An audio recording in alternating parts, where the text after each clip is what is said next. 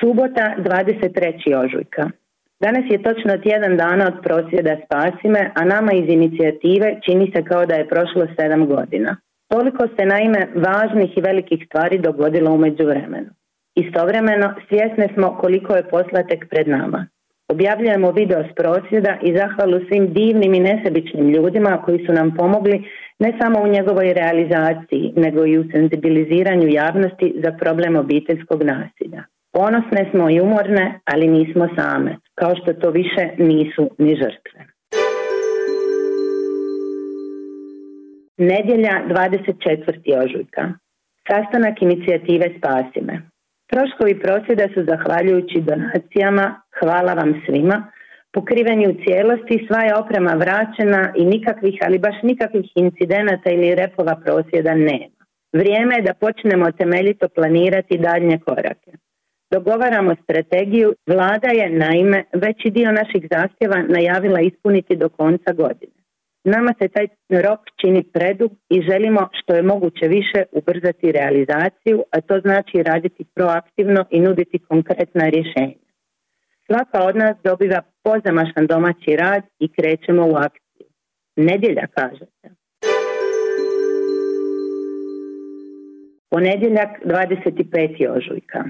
Prije pokretanja inicijative Spasime svaka od nas imala je barem jedan, a prekarne radnice i više poslova. O obiteljskim obavezama da i ne govorimo. Ponedjeljak je. Danas se svaka od nas suočava s izazovom kako dugoročno balansirati između svih tih svjetova, što se na trenutke čini doista nemogućom misijom. Hrabrimo se međusobno primjerima aktivistica koje se problemom obiteljskog nasilja bave već desetljećima. Možemo, moramo. Facebook grupa i dalje raste. Utorak 26. ožujka. Timom Autonomne ženske kuće Zagreb, predvođenim Nevom Tole, razgovaramo o konkretnim mjerama koji su nužne za budućnost inicijative. Njihovo više desetljetno iskustvo rada na terenu od iznimne važnosti.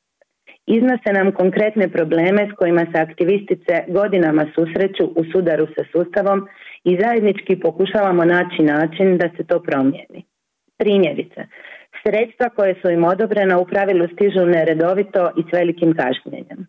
Tome usprkos, dok razgovaramo, u njihovim prostorijama grupa je korisnica kojima nude podršku i pomoć. Žrtve ne mogu čekati. Srijeda 27. ožujka.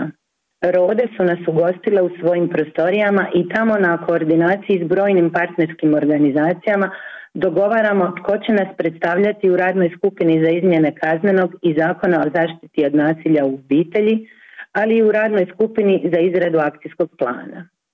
Sastanak protiče u optimističnom, ohrabrujućem tonu i u relativno kratkom roku postižemo konsenzus. Prijedloge imena uputit ćemo do konca tjedna nadležnim ministarstvima. Dogovaramo i javnu panel diskusiju o tekstu protokola, a na koju stručnjake s terena pozivamo i predstavnike vlade.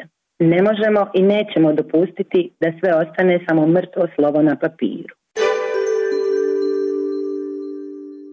Četvrtak, 28. ožujka. Iako nas najveći dio domaćih, ali i regionalnih medija podupire od prvog dana i pruža nam golemu vidljivost i podršku, uvijek postoji neko ali. Tako je i danas. Priča jedna od članica grupe neovlašteno biva objavljena, ugrožavajući tako i žrtvu i njezinu obitelj. Stoga opet upozoravamo kolege iz medija da im dobrobit žrtve bude važnije od klikova i naklade, da shvate ozbiljnost situacije kako bismo u buduće smanjili broj takvih situacija, ali jasno razdvojile vanjsku i unutrašnju komunikaciju, otvaramo Facebook stranicu inicijative. To je i onako preopterećenim administratoricama dodatan posao, no složne smo da je nužan.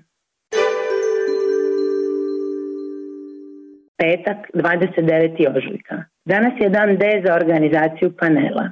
Prostor je riješen, čekamo potvrde govornika. Novi sastanak inicijative dogovorile smo predvečer. Do tad sve mora biti riješeno.